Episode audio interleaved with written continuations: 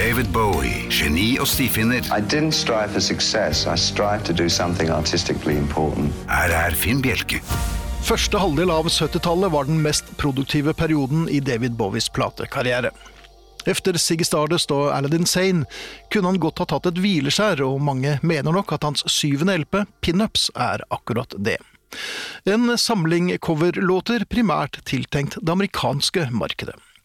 Bowie ville være misjonær for et dusin låter han mente burde få større oppmerksomhet, og LP-en er breddfull av klassiske pop-rock-låter fra 60-tallet.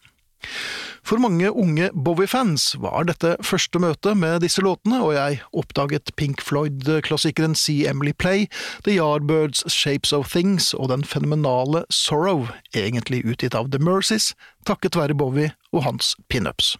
Backingbandet, som vi kjente som The Spiders, hadde nå begynt å slå sprekker. Trommeslageren Woody Woodmansey var ute. Inn kom Ainsley Dunbar, som faktisk hadde vært innom bandet The Mojos, som også ble presentert på pinups med naboklagen Everything's All Right. For mange var altså denne platen mer enn et hvileskjær. Den ga oss nemlig et fascinerende innblikk i Bowies platesamling. Og coveret med to androgyne ansikter, Bowie og supermodellen Twiggy, var nok til å holde oss i ånde i timer av gangen. Dagens sang er en gjenganger i originalversjonen her på radio vinyl.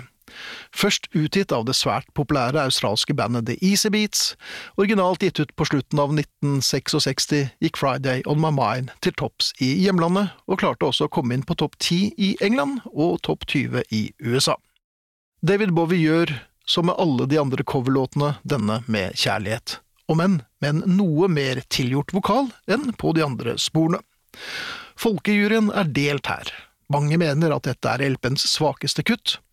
Fordelen med å ha sin egen serie er selvfølgelig at jeg får velge. Jeg liker bakgrunnsvokalene, som vi kan kjenne igjen på Mick Ronsons soloplater, og den erkeengelske stemningen på denne australske låten. Jeg anbefaler gjerne hele LP-en Pinups. Den er klart bedre enn sitt rykte. Her er David Bowie med The Easy Beats-hiten Friday On My Mind.